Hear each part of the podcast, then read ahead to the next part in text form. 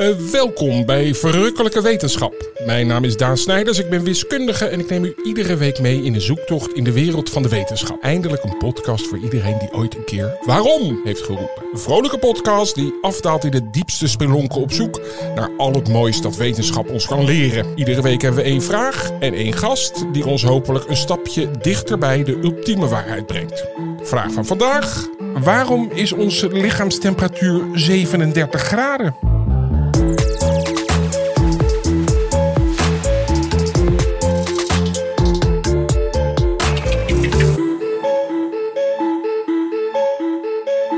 Moest daaraan denken, Marlijn. Ik introduceer je altijd meteen aan het Ja, begin. graag. Mijn zus. Ja. Eh, toen ik in het Cryolab stond. Oké. Ken je dat? Wat doe jij in het cryolab? Nou ja, dat was even voor business. Maar eh, daar sta je dus in een cel van min 110 graden. Dus een soort containertje, daar ga je in. Eh, uiteraard eerst alleen nog wat slofjes aan en handschoenen. Je moest wel handschoenen aan. Maar verder in onderbroek. Eh, je loopt naar binnen en daar mag je dan drie minuten blijven. Eerst wordt je hart gecontroleerd. was nog een heel gedoe, want ik had heel veel eh, espresso's op. Dus dat was nog even van eh kiele kiele. kiele. Uiteindelijk mocht ik naar binnen en ben ik daar drie minuten. En toen kwam ik naar buiten. En toen denk ik, heb ik toch drie minuten in min 110 gestaan. Min 110. Maar heel eventjes, hoe voelt dat dan? nou, Voel je wat? ja, het is ongelooflijk koud. Maar ehm, nou, het grappige is dat sporters het dan ook, eh, dus topsporters doen het dan ook. Want je krijgt daarna een soort extatisch gevoel. Het is net zoals je dat je heel, in heel koud water gaat zwemmen. Ja, dat denk ik. Dat heb, ja, ja. Maar het, Ja, het was een an- nee, nee, daar hou ik niet van. En het was toch, maar het wordt ingewikkeld om uit te leggen, maar het was een ander soort kou. Het was, eh, het was van het frisser kou. Want het andere, eh, ik had niet van ik moet nu naar buiten. Nee. Het was heel overrompelend, maar wel hartstikke leuk. Maar daardoor kwam ik op die vraag van, nou ja, je bent 37 graden. Waarom ben je eigenlijk warmer dan je omgeving? Hè, dat ten eerste. En ten tweede, hoe lang zou ik daar kunnen blijven staan voordat ze me eruit moeten dragen? Ja. Ja. Hé, maar laten we nog even wat huiselijker met jou aanpakken. in eerste instantie de thermostaat bij de familie Snijders, Merlijn, thuis. Hoeveel graden? 19. Dat is hartstikke koud. Nou, nee, dat is toch prima? Ik, Ja. zeg, ik zou zeggen 21,5. Nou, Ik denk dat, is heel misschien... veel luisteraars nu denken Ja, 19. maar ja, ik ben dan eh, nog eh, enigszins eh, bewust, denk ik. En dan denk ik, we trekken een trui aan. Maar nee, we hebben niet zo hoog staan. Oké, Nee. en heb je het snel koud of snel warm? Nee, helemaal niet snel koud.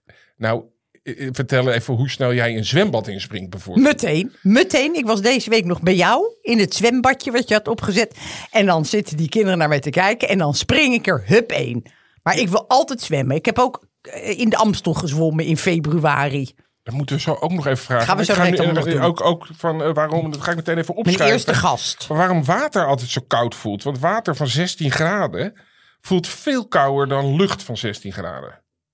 Ja, want dat denk ik ook dat dat verschil is met jou in jouw min 110 celletje. Nou, de, die analogie die zie ik niet. Dan gaan we nu Nou, de ik gast wel. introduceren. Onze gast van deze week is Boris Kingma. Hij is onderzoeker thermoregulatie bij TNO. En hij heeft ook een warme truien-app uitgevonden. Dat je weet wanneer je wat aan moet. Boris, Ja? welkom. Wat leuk. Dankjewel. Ehm, nou, ik begin altijd gelijk maar met die vraag. Waarom... Nou, eh, ten eerste, waarom zijn we eigenlijk warmer dan de omgeving? Waarom zijn we niet gewoon eh 21 graden als het 21 graden is...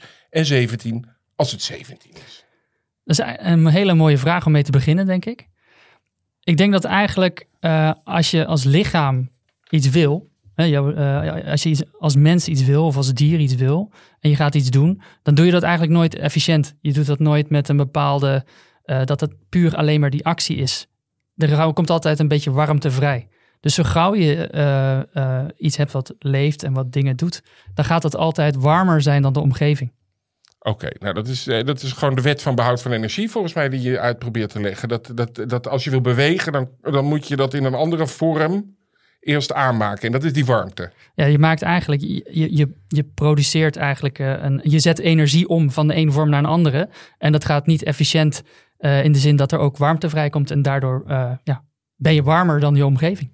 Oké. En als je even dezelfde temperatuur zou hebben, Ja. dan kan dat niet. Dat, dat moet eigenlijk niet kunnen, want eh, zo gauw je leeft, dan produceer je warmte.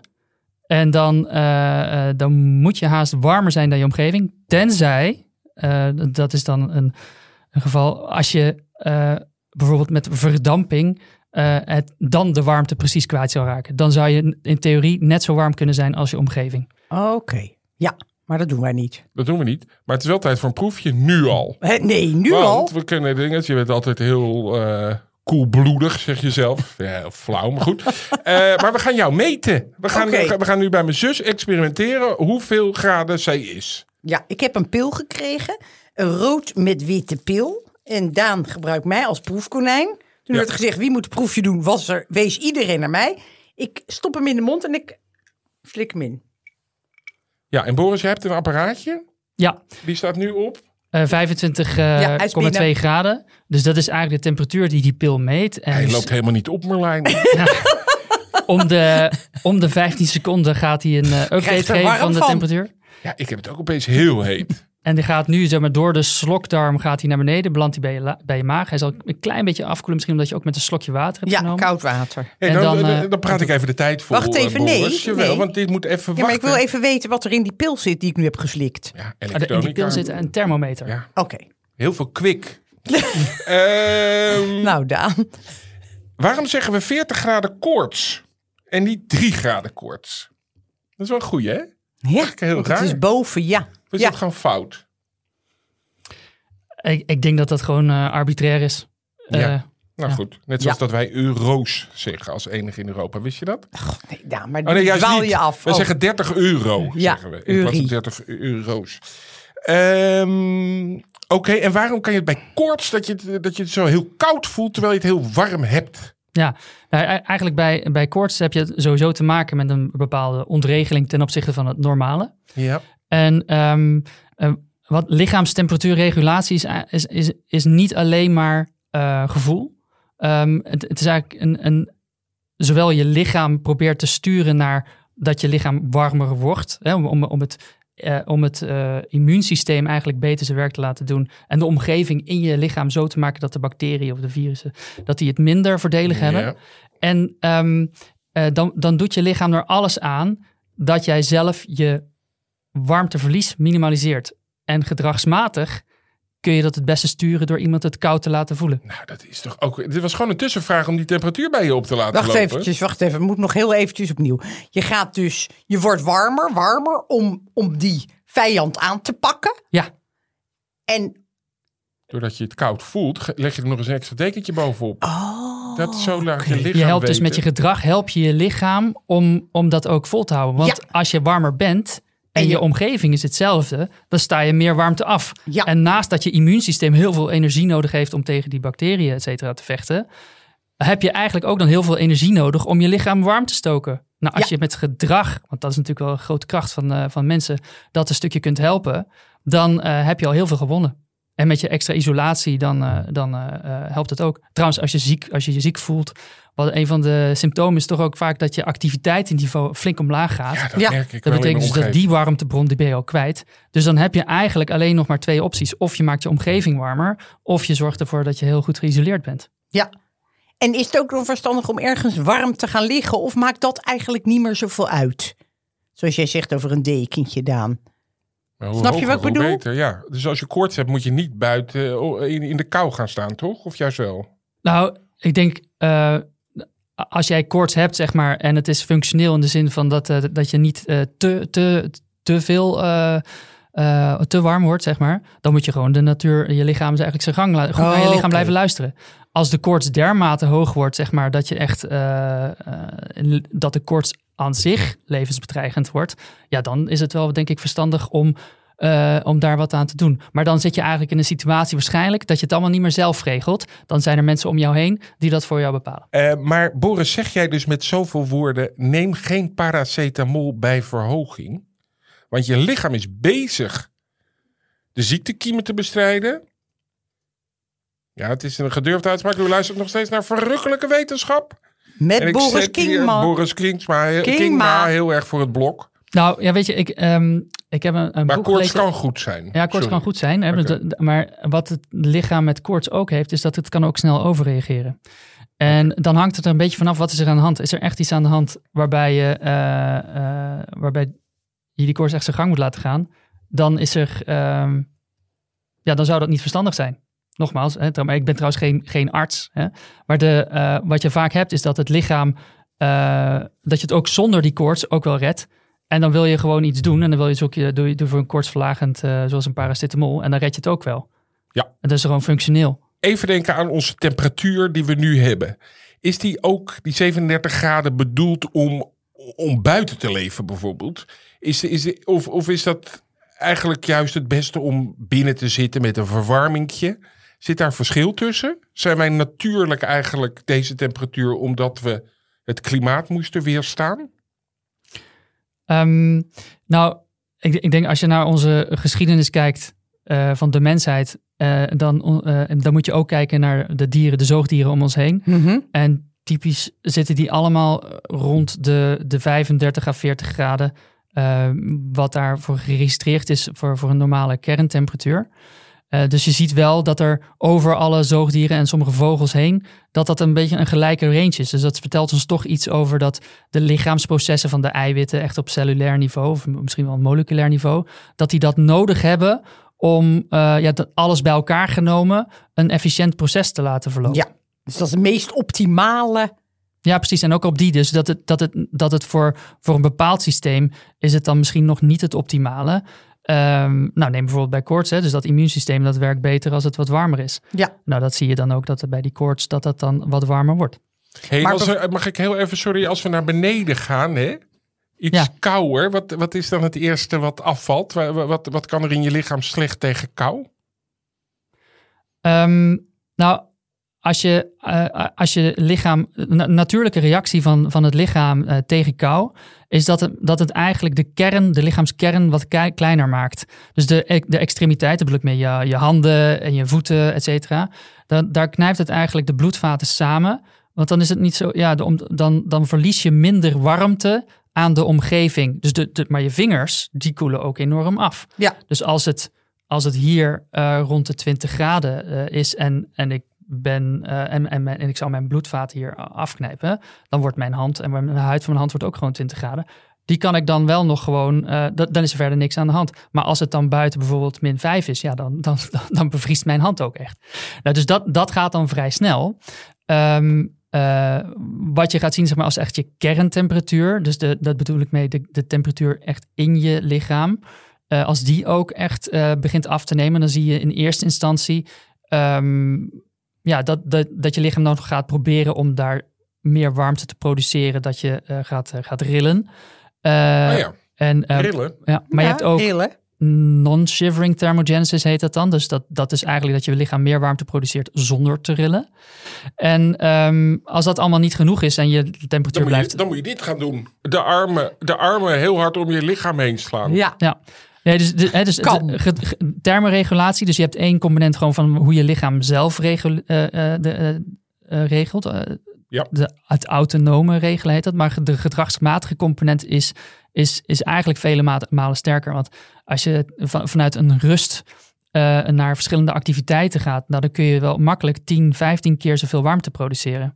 Als dat je gewoon in, je, in, in rustmetabolisme doet. En maximaal rillen is ehm, maxi- eh, da- daar kun je maar vijf keer meer je rustmetabolisme aan warmte produceren. Plus je bent eigenlijk volledig eh incapacitated. Je kunt, je kunt niet, niet meer iets doen. Want als je volledig aan het rillen bent, dan, dan kun je niet meer echt goed iets vastpakken of iets doen. nee. Dus dat is eigenlijk, is dat, dat, dat wil je eigenlijk gewoon voorkomen. Ehm, En de, de, de alternatief dat je gaf was rennen bijvoorbeeld. nou, rennen is typisch iets waarbij je heel veel warmte produceert. Ehm, Maar ja, daar ben je natuurlijk helemaal niet in staat om dan op te warmen via rennen. Nee, je moet het heel erg op tijd doen inderdaad. Wil jij Marlijn... Maar eh, mag ik nog wat Ja, vragen of niet?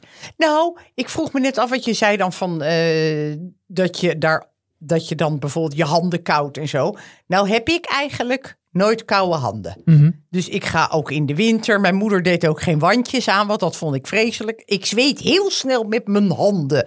Maar heeft dus eigenlijk, kan je, kan je daar dan toch een standaard norm op leggen? Of is dat gewoon ook nog per persoon verschillend hoe je Ja, het- het- reageert? Het is, dit is, ehm, er is natuurlijk een enorme individuele variatie in over hoe onze lichamen zijn opgebouwd. En dat heeft direct consequenties eigenlijk over van eh, hoe je warmte kwijt kunt raken. En eh, dat is, nou, voor mensen is dat zo, maar dat is ook voor dieren zo. En om, om dit verhaal een beetje te duiden, wordt vaak gewoon het, de, de extreme, eh, die maken het voorbeeld eigenlijk wat duidelijker. En als je kijkt naar de poolgebieden, dan zie je dat dieren over het algemeen eh, ronder zijn, eh, groter. En waarbij meer massa, meer volume hebben en een kleiner oppervlak.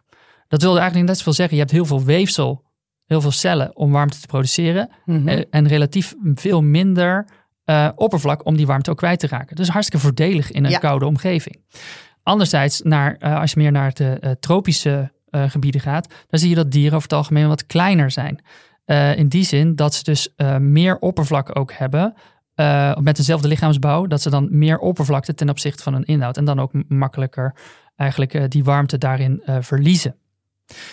Ehm, dus dus, dus nou, die consequenties over hoe je lichaam is opgebouwd, alleen al Mhm. zo vanuit die, die, die twee aspecten, surface to volume ratio, dus de oppervlakte het, eh, die, ehm, die, die bepaalt voor heel veel van hoe je lichaam eigenlijk voor de rest alles nog moet, moet gaan bijsturen. En ehm, eh, nou, een hele belangrijke component voor mensen is, is hun kleding. Eh, en eh, nou, dat, daarmee, daarmee heb je dan al variatie. Hè? Dus dat je kunt al variëren. We kunnen individueel kunnen we gaan variëren met ons kledingniveau. Ja. Om dan precies die balans eh, eh, daarin op te zoeken. En zo, zoals, je, zoals jij dat dan hier vertelt. Nou, dat, dat geeft mij aan dat in ieder geval voor jouw lichaam die balans zo is dat jij, dat jij later, jouw lichaam hoeft pas later eigenlijk bijvoorbeeld de bloedvaten te gaan afsluiten. Jij Ja. hebt vanuit, jouw, ja, vanuit de lichaamsbouw eh, eh, eh, krijg je dat gewoon. En, en van, van hoeveel warmte jouw lichaam produceert, eh, heb je dat pas later nodig. Ik ook hoor, Merlijn. Behalve als ik koude voeten heb. Dat komt niet vaak voor, maar dan kom ik er ook nooit meer vanaf. Dan ligt de hele nacht met koude voeten in bed. Ja. Ach, jongen toch. Hey, maar, maar Boris, jij zei net eh, van eh, die, die dieren die zien er anders uit. Ja. Op de Noordpool zijn anders gebouwd. Maar geldt dat nou ook voor mensen? Zijn Eskimo's anders dan eh Caribiërs? Die, die, die haal ik dan altijd aan. Ja, nou, ehm, eh, in, er zijn zeker wel verschillen eh, te vinden. Dus eh, nou, de, de Inuit eh, ken, ik, ken ik dan een voorbeeld van. Dat eh, over het algemeen dat Maar ze je wat mag helemaal geen Eskimo's Nee, zeggen. Sorry, dat betekent rauw vlees eten. Ja. Maar bij Inuit was er een ander volk dat dat ook niet goed vond. Maar goed, daar, stappen we even Nee, maar- overheen. Ja, Inuit, je hebt gelijk. Ehm, eh, d- wat, wat kortere vingers. Kortere Eh, vingers. kort- kortere vingers. En, Ja. eh, en, en, en, ja, en daarmee ook een, een iets voordeligere verhouding tussen eh, hoeveel, eh, ja, hoe, dik de vingers zijn ten opzichte van hoeveel oppervlak ze hebben. En ehm, Ik het andere deel is, Inuit. eh, wat ik gelezen heb in ieder geval, is dat, dat ze een iets langer traject hebben van de luchtwegen of via de neus eh, naar, nou ja, naar de longen toe. Zodat de lucht die ingeademd wordt, dat die een iets langer traject heeft om op te warmen. En andersom ook, dat, dat over dat traject van je, van je neus, et cetera, dat als je dan weer uitademt, dat die warme lucht ook dat, dat langere traject ook weer. weer Dus die twee, dat, dat is wel wat je ziet. En of, maar over het algemeen, ook bij mensen, zie je dat ehm, eh, eh, mensen die wat meer in de warmere gebieden leven, dat die een groter eh, surface to volume ratio, dus oppervlakte versus lichaamsgrootte, ehm, eh, verhouding hebben. Dus, dus, dus, dus daar dat ook. Dus, hè? Dus meer eh, ook kunnen verdampen ook daardoor. ja, nou, verdampen, zeg maar. En daar daar zit wel een, een, een bepaald omslagpunt. Want wa- waar je het hebt mee te maken hebt met lichaamstemperatuur, is dat aan de. e- Je hebt, voor een deel is het, is het gewoon fysica, natuurkunde. En ehm, je, je hebt zo. Als zolang zeg maar wa- warmte gaat van, van, van een hoge temperatuur naar een lage temperatuur. En als jouw omgeving kouder is, dan kun jij gewoon, dan geef jij gewoon je warmte af aan die omgeving. Ja, dat doen we nu. Ja, nou. En, ehm, maar als, als dan op een gegeven moment de, de omgeving warmer wordt, dan, Ja, Dan- zoals een keer in Singapore, was verschrikkelijk. nou, dan, dan neemt je lichaam dat- die warmte juist op. Ja. En dan warm, dan warm je ook op. Maar ah, dan is eigenlijk, dat, dus vanaf dat je dat moment krijgt, dan is de enige manier om nog die warmte kwijt te raken, is door verdampen. En dat is wat, wat, wat nou, en als je dan een groot oppervlak hebt om te doen, dan, nou, dan heb je daar ook het voordeel aan. Maar, ehm, en, maar dat is dus wel, dan, dan moet je wel kunnen verdampen. Want als je dat niet doet, dan heb je eigenlijk alleen het nadeel dat je eigenlijk een groter oppervlakte hebt om juist die warmte ook op te nemen. Maar wat bedoel je met dan moet je wel kunnen verdampen? Nou, de- je moet wel, je moet wel zweten. Hè? Dus je moet kunnen. Ja. eh, eh, en Drinken? Oké, dus je moet drinken, dat vocht hebben, dat moet eruit komen. En als dat dan dat, dat verdampt, dan onttrekt het warmte, uit ja. van je huid. Ja, en dat gaat met vrij veel, want een van de liter zweet, dat, eh, de, die energie is, eh, eh, rond de 2,2 megajoule aan warmte. Dat is gigantisch. Maar een liter zweet, dat doe je niet in een week of een jaar, toch? Oh, nou heel snel. ja, hoe, hoe snel? nou, zo snel. Nee, eh, de ehm, eh, zeg maar topatleten. We hebben vorig jaar eh, hebben we eh, de, een aantal eh, Olympische eh, sporters eh, kunnen begeleiden in de voorbereiding voor, ehm, eh, eh, voor, de, voor, voor Tokio. En eh, nou, zweten van drie liter per uur, dat, dat was gewoon daar. eh, eh, Drie liter per uur, Drie Marlijn. liter per uur. Ja. Ja, maar wij, wij sporten niet op dat niveau. Maar moet je voorstellen. maar het, het punt is, je kunt het ook niet bijdrinken. Je, Nee, je, kunt, ja, je kunt het wel fysiek kun je drinken, maar je lichaam neemt het niet op. hey, we krijgen heel veel telefoontjes met steeds dezelfde vraag. Namelijk, hoe warm is je zusje, Daan? ja. Ja, nou, we zitten de hele tijd te wachten met die temperatuur. Is al een Oh, beetje... heeft papa al gebeld? Hoe warm ben je? Is er iets gebeurd? eh, of Staat hij nog steeds op kamertemperatuur? Oh. Nee, nee, nee. nee. Ik, ik zie even kijken op gebeurt dit. eh, natuurlijk helemaal niks bij mij, zul je zien. Ik zie hier op, eh, op dit eh, kastje zie ik nu 36,4 graden staan. Oeh, dat is wel aan de lage kant, lieverd. Moet je even ergens iets van een dekentje of zo? Ik heb het heerlijk. Ik blijk natuurlijk weer een of ander wonder te zijn. hey, neem even een slok van die... eh, Koud ga- water, Ja, hè? gaan we even kijken Gaan of dat kijken? nog werkt. Of het nog wel in je maag zit. Want misschien is het Met wel ijsblokjes beneden heb gezakt. ik. Hey, nog eventjes naar mij terug eh, in, in, die, in die vrieskist, hè? Oeh, dat is koud, hè? Even kijken, hij staat 36,4. Ja, dat blijft nog even. Ik, ik hou het met een scheef oog eh, in de gaten. Maar wat Hij gebeurt loopt een beetje achter. Ik zie het zeg maar dat hij niet de hele tijd verbinding heeft. Misschien komt het een beetje door de elektronica hieromheen. Nou ja, voor mij ben je altijd mijn, mijn warme zus. hoor. Kom maar hier, eventjes. God, zie je er Wat zitten. zweet jij? Ja, ik zweet heel Je zweet drie liter per uur, denk ik Ah. hoor. Ehm, ja, zweet moeten we het ook nog een keertje Ja. helemaal apart over hebben. Daar Ja, hebben we ook oké, heel veel eh, eh, Nou. dingen bij. Maar, maar als ik naar mezelf terug ga in, die, in dat cryo-lab, bent u het daarmee eens of oneens? Boris, jij?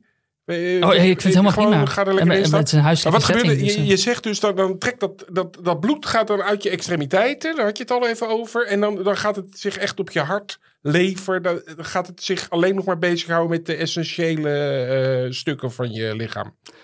Ja, dus de, de, de verdediging van je lichaam is er dan op gericht om, eh, om met name de, de lichaamskern, om die warm te houden. En de manier om dat te doen is om zo min mogelijk warmte te eh, eh, verliezen. Je moet wel weten dat ehm, je, je hebt eigenlijk, het lichaam kan op verschillende manieren reageren. En dat zijn, er zijn eigenlijk drie hoofdmanieren. Eentje is eh metabool. Dat wil zeggen dat je lichaam meer warmte gaat produceren om tegen de eh, kou iets te doen. Ja, dat halen ze uit eten. Hè? Dat Ja. haalt je lichaam gewoon door het verbranden van eten. Dat, Letterlijk. dat, dat, Ja, dat is dat het. eh, kacheltje wat je moet verbranden. Ja. En de andere, Eetkacheltje. Waar gebeurt dat, denk je, Marlijn? In je maag?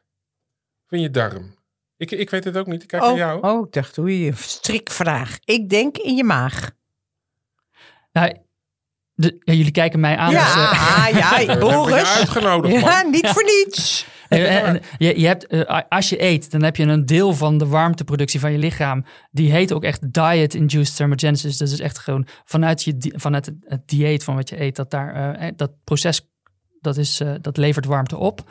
Ehm, daarnaast heb je gewoon eh, al, al je cellen die verbruiken een beetje zuurstof.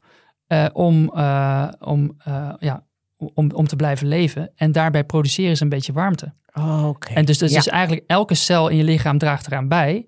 En, eh, maar sommige cellen een beetje meer dan de andere. Zo bijvoorbeeld eh, eh, vetweefsel is metabol iets minder act- actief. Maar bijvoorbeeld het brein of, de, of spierweefsel zijn over het algemeen eh, wat actiever. En ook warmer daardoor. Eh, lokaal gezien, ja, en- en je lever bijvoorbeeld is ook, eh, eh, die, die zijn lokaal, heb je daar wel temperatuurverschillen in, ja. ja. Waarom hebben we Marlijn eigenlijk dat ding laten slikken? Of was Nou. het gewoon voor de lol? Nee, ik, Boris keek er even naar. Is er wat gebeurd, Boris? Nou, nu, nu zie je we zeggen, hè, dus omdat jij net die slokken koud water hebt gedronken, Oh ja. dat, dat, dat daar nu die, de, in je maag, eigenlijk meten we nu je maagtemperatuur, die pil net ingeslikt, die is nu afgekoeld al naar 35 graden. oh, ja en, hoor. ehm, maar dat, dat, hè, dat, dat is dat, gaat over het meten van lichaamstemperatuur in je lichaam. Als we dat doen in een experimentsvorm, dan slik je die pil eigenlijk al veel eerder. Want dan wil je eigenlijk dat die pil veel verder uh, uh, afgedaald is in het lichaam. Dat die niet zo gevoelig is voor verstoringen. Mhm. Um, en dan, um, ja, dan meet je echt de temperatuur in je lichaam. Andere en, en, maar de, dat je dat doet met een pil, dat is echt iets van, denk ik, van de laatste 10, 12 jaar. Daarvoor uh, was het gewoon met een, uh, uh, een, een rectaal thermometer. Dus Ja. het was een thermometer. Het die- woord is weer gevallen, mensen. Krijgen we weer klachten? Nee, wacht ja, eventjes. sorry. Hoe, heeft Vinger. i- vinger op. Ja. Heeft iedereen diezelfde temperatuur? Of kom jij ook wel eens met zo'n pil iemand tegen die gewoon... Heb je dat niet al eerder gevraagd, Marlijn, net? Nee, dat mag. Heb ik dat gedaan, iemand Doris? 36 gaat? Op, z'n- Nee, heb ik helemaal niet. Sommige Eh, mensen hebben het warmer. niets. Ja, nou, nee, er is een verschil tussen warmer zijn en warmer hebben ook ah, nog. dat was het. Je Ja. vroeg Dat wel was- met je warme handjes. Daarom Ja. zat ik er even Ja. op. Oké, ja, nee, nee. Maar normaal bedoel- gesproken in een gezond lichaam, zeg maar, dan is je gevoel is, eh, in lijn zeg maar, met wat, eh, wat er aan de hand is. Oh, oh. Dus dat is, eh, hè, als, je, als, je het, als je het warm hebt, dan ben je vaak ook wat warmer. Ehm, eh, omdat dat dan je gedrag stuurt om, het, om te zorgen dat je wat makkelijker je warmte kwijt kunt. Ja. Of de, of, eh, nou, en, en andersom natuurlijk. Ehm, ehm, maar zeker, er is, eh, er is grote variatie tussen eh, eh, lichaamstemperatuur van, van mensen. Ehm, maar het zit wel allemaal in de range, in het bereik zeg maar, van rond de 36,5 en de 37,5. Dat is gewoon een beetje de normale temperatuur. Ja. Ehm, eh, over een dag kan die ook nog vrij veel variëren. Je hebt een soort van circadiaan ritme, dus een, een, een, een dag-nachtritme over, Oh ja. da- dat die varieert. En als jij gewoon actiever bent, nou, dan kan die kerntemperatuur makkelijk 38 graden zijn. Als jij gewoon gaat sporten, dan wordt het... ma- Je gaat ook zweten. Nou, dat is precies die respons. Ja, Je lichaam wil, eh, gaat... Hartstikke eh, goed. Ik verwijs ook even naar onze aflevering over de biologische klok. Hey? Ja. Dat, het, het heeft allemaal met elkaar te maken. Dat vind ik zo leuk. sluit nauw aan. Ehm, ik wil eigenlijk nog maar twee dingetjes weten. Ja, Namelijk, wacht eventjes. wat? Ja, Ja, nou, je zei toen net over eh, gevoelstemperatuur. ja, daar komen we zo op. Dat, zijn, dat is een van die twee. Heel goed, Marlijn. Eh, de eerste was namelijk koudbloedige en warmbloedige dieren. Ja, Wat is een koudbloedig dier? Heeft die geen lichaamstemperatuur? nou, die heeft zeker wel een lichaamstemperatuur. Maar wat je eh, typisch ziet bij koudbloedige dieren... is dat ze niet in staat zijn, zeg maar, vanuit hun eh, lichaam zelf... om eh, eh, de temperatuur te regelen. En daarmee zijn ze wel heel energie-efficiënt. Want het kost heel veel energie om een lichaam, om, om eigenlijk een lichaam warmer te houden dan, eh, dan de omgeving. Dus daar zie je zeg maar een enorme eh, eh, ja, voordeelslag voor eh, bijvoorbeeld reptielen ten opzichte van zoogdieren. Als, er, als ze strijden om, om dezelfde voedselvoorraad. Ja. Ja, Nou ja, die dat- moeten in de zon liggen om op temperatuur Ja, te dus die komen. hè? hebben precies dat gedragsmatige hebben ze echt eh, nodig. Maar wat ik, ik had het net over die verschillende manieren van, eh van lichaamstemperatuurregulatie. En daar zit wel een link naar jouw vraag die je nu Oh net ja, je had er pas- pas punt 1 Ja. bedacht. Ja, ga door. Ja, de andere is, die we allemaal kennen, dat, dat heet insulatoire. Dat ons lichaam eigenlijk zichzelf afsluit. Hè, daar hadden we het over, van de bloedvaten eh, dichtknijpen. Witte handen. Ja, nou, en dat heeft als voordeel dat je, eh, eh, het kost weinig energie. Hè, dus je, je, je bespaart aan energieuitgaven. Je hebt, je, je, je hebt geen, het, het dier, de mens, heeft ge- niet veel extra energie nodig, voedsel nodig.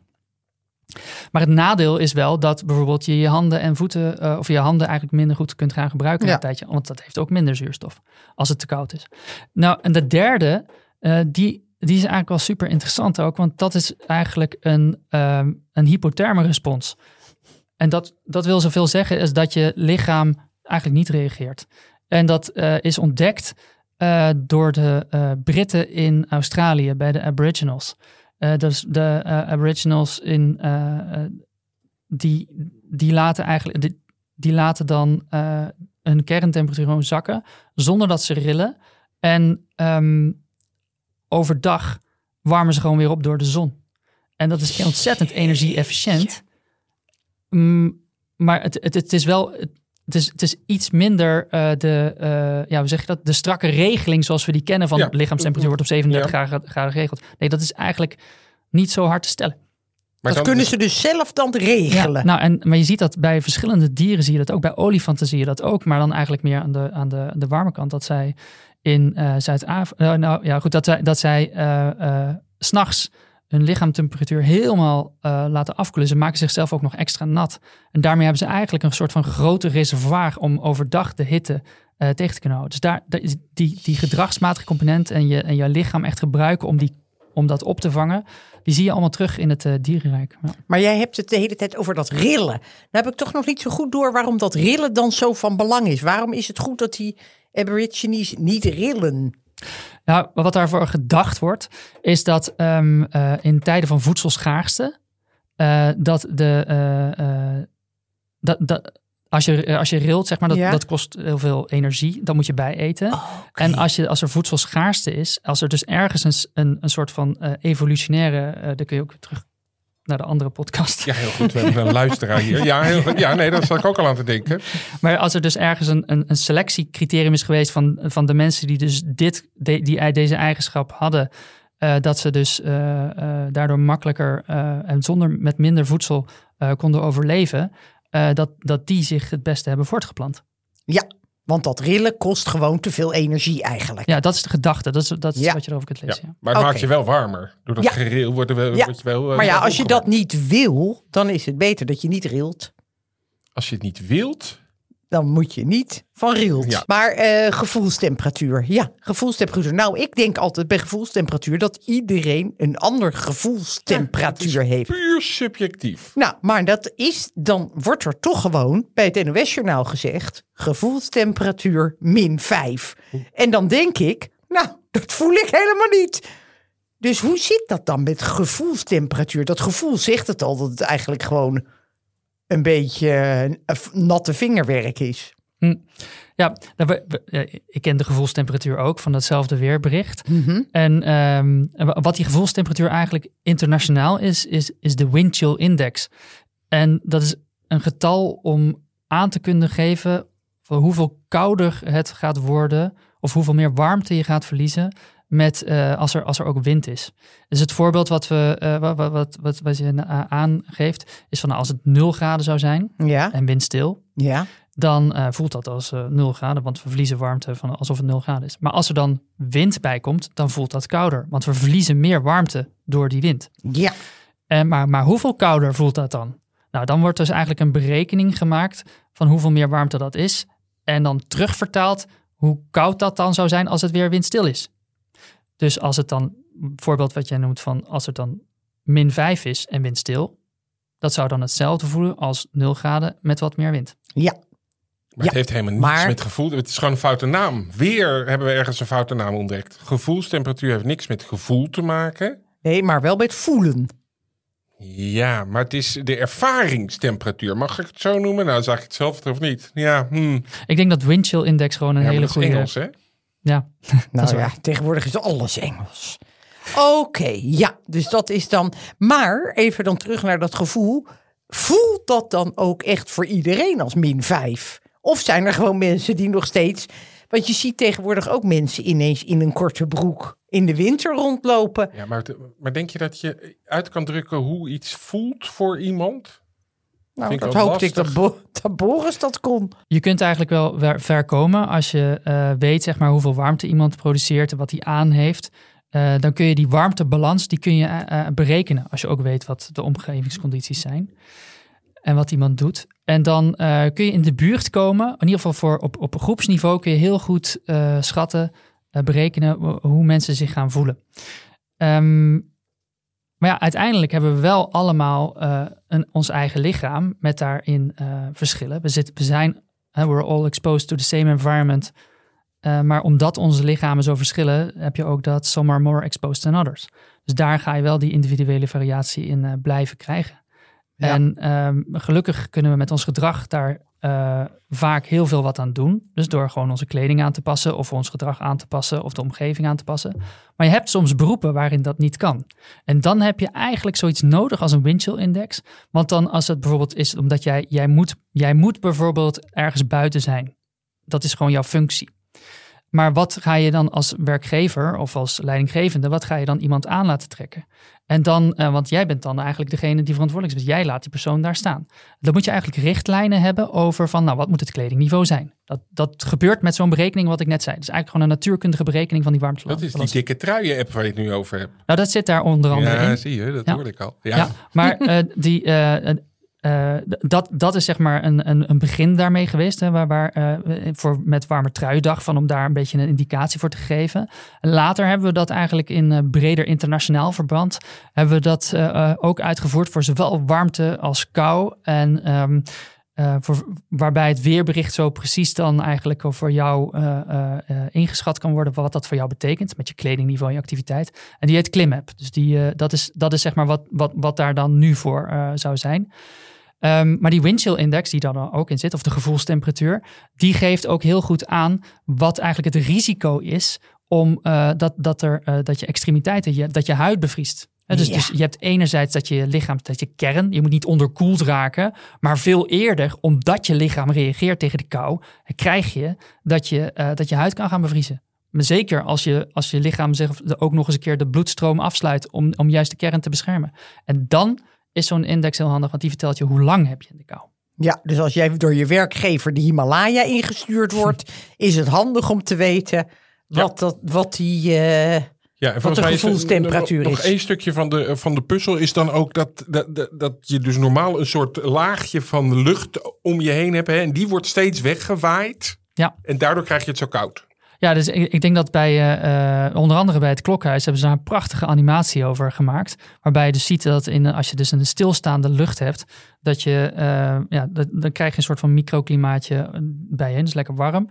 Maar met een windstroom blaas je die meteen weg. En waardoor je eigenlijk constant een aanvoer hebt van de, of ja, afvoer hebt van je lichaamswarmte. dus geen wind is, is al een stukken beter. Ja, als het, als het koud is, helpt dat wel, ja. Maar als het warm is, dan werkt de luchtverplaatsing juist fantastisch om, om, om eh, warmte Ja. af te voeren. En als het, de lucht warmer is dan je huid, als je dan ook nog zweet, dan helpt het heel goed om de verdamping eh, eh, ja, beter tot stand te laten komen. Ja, want als ik fiets met, met hele hitte, dan is het eigenlijk altijd wel te doen. Ja, Ja, dan voelt het altijd lekkerder. Gevoelstemperatuur. Laatste vraag, Boris. Wacht even, laatste vraag. Kan Boris nog even op het... Ja, dat komt zo. Ik heb een ijsblokje gegeten. Ja, we gaan, even we te gaan kijken afsluiten met dat ding. Maar mijn laatste vraag was: zouden we allemaal dunner zijn als we in ons naki zouden lopen? nou ja, Ja, want eigenlijk we zijn we een beetje. Gewoon ook maar een beetje. Nee, want we, waarom doen we kleren aan? Vroeger was dat helemaal niet nodig. En als je kleren aandoet, dan blijf je warmer, verbrand je minder. Ik vind het niet zo gek. nee, nu, nu snap ik hem. Oké, dank je. Ja, fantastische vraag. Ik denk dat, eh, ja, ik vind het ook een fantastische vraag. Maar ik denk dat eigenlijk een van de eerste uitvindingen, misschien wel dat we wel ja, huiden zijn gaan dragen voordat we vuur hebben gemaakt. Eh, puur, puur met het effect, zeg maar, dat, je daarmee, dat we daarmee met gedrag onszelf minder afhankelijk hebben gemaakt van de eh, weersomstandigheden. En om zo energiezuinig door het leven te gaan. Kijk, er wordt wel gezegd dat we een, een tropisch dier zijn. Dat, we, dat, dat die mensen eh, eigenlijk in tropische omstandigheden eh, geëvolueerd zijn. En daarna de wereld eh, hebben eh, veroverd. Of be- bevolkt is beter. Nou, ik vind vooral ook Mm, ja. of ten gronde gericht, kun je ook zeggen. Ja. Vernietigd. Ja, maar dan ehm, eh, eh, ook, in, eh, ook in die gebieden eh, is het ook nacht. En daar is het ook koud. En als jij dan net dat voordeel kunt hebben ten opzichte van je co- competitiedieren, zeg maar, voor dezelfde voedselvoorraad, waardoor jij energiezuiniger bent, dan, eh, dan werkt dat mee. En, als je, en, en, en heel veel van die dingen, die worden dan gestuurd door het gedrag. Dus ons lichaam helpt ons daar eigenlijk mee om heel erg energiezuinig te zijn. Ja. Meneer Kingma, ik dank u hartelijk. Ik praat nog even na met mijn zus, maar we hebben ontzettend veel opgestoken. Marlijn. Ik, ik zit even aan die laatste woorden te denken. Dat wij eigenlijk dus niet geschikt zijn om op aarde te leven. Nee. Proef jij dat er ook ja, een beetje uit? ja, ik vind het ook een, ineens een, een schokkende... eh, Ja, en dat wij dus... eh, Ik zie altijd het, eh, de, het, eh, het ontdekken van vuur, weet je wel. Daardoor konden we Ja. ergens Nee. blijven, dingen roosteren. ontdekken van kleding. Het ontdekken van kleding, dat zit ervoor. Koeienhuid, hè? Ja. Echt, dat is veel belangrijker geweest. En toen konden we een beetje na gaan denken van wat zullen we eens doen Ja. en eh, moeten we niet eens iets uitvinden. En dan kon je, ja, dan had je genoeg energie om iets te ontdekken. Wat een eye-opener, zo aan het eind. We begonnen gewoon over lichaamstemperatuur met Daan in dat cryolab, weet je En dan nog? eindigen we bij Chanel en Gucci. Eh, Daan, kan- mag, mag meneer Boris nog even kijken naar mijn temperatuur? Oh ja, hij ligt hier voor me. Nou, dat, oh, dat is stevig hoor, lieve. Dat is heel stevig. Nou, het moet wat gedaald zijn. Nee, het is 36 graden nu. Ja? Ja, je bent even 36, 42 tij- tijdens die verhitte discussie. Ik zit bent- hier allemaal ijsblokken te eten. Ja, ja, ja. Maar dat is zo mooi van je lichaam. Die, die vangt dat allemaal op. En die brengt het allemaal weer op hetzelfde niveau. Ook, Is dat als, de les, Boris? ook als je buiten bent. Is dat de les dat het helemaal eh, dat, dat, dat meteen gereguleerd wordt? Dat als ik wat In dit geval is er weinig gereguleerd hoor. Want je, die, die pil die, die heb je o- ingeslikt. Eh, dat zit in je maag, dus die warmt dan op. Vervolgens breng je daar een verstoring met koud water. Dus dat is gewoon puur eh, van die verstoringen. Dat is, eh, ja, dat is hier het netto-effect. Ja, Ja, maar even, even weg van het theoretische, Boris. Het is toch fantastisch dat wij als een soort machientjes rondlopen... die allemaal dezelfde te- temperatuur Ja. houden... zonder dat, eh, dat er van buitenaf afhankelijk is. ik, ik, ik volg het even niet. Je houdt jezelf op temperatuur, je lichaam. Ja, dat doet dat is, Ja. toch, dat is toch fantastisch? Als, als, je bent autonoom daarin. Ja, nou ja, precies. Dat, je lichaam die, die stuurt erin. maar eh, en nou, eh, op meerdere gebieden. Dus ook je gedrag. En als je dan niet naar je lichaam luistert, eh, bijvoorbeeld door, door wel stug in de kou te blijven zitten, ja, dan krijg je het, eh, dan, dan, dan word je minder comfortabel. En eh, dat, dat is de extra sturing voor je lichaam. Dus heb je eigenlijk wel vrije wil? Kun je afvragen. Oeh, dat is wel een hele oh, grote stap. vrije wil. Nou, luister goed naar je lichaam in ieder geval, maar Ja. dat zeggen we eigenlijk iedere week. Eh Marlijn, als er Ja. mensen zijn met vragen aan of opmerkingen, Verrukkelijke wetenschap, apenstaart, die met een C, of abonneer u op onze podcast. verrukkelijk abonnement nemen, dat helpt ons. En dan kunnen we volgende week weer verder. En dat doen we sowieso. Ja, Tuurlijk, weer dat met is een beetje heerlijke flauw. wetenschapper. Oké, tot dan.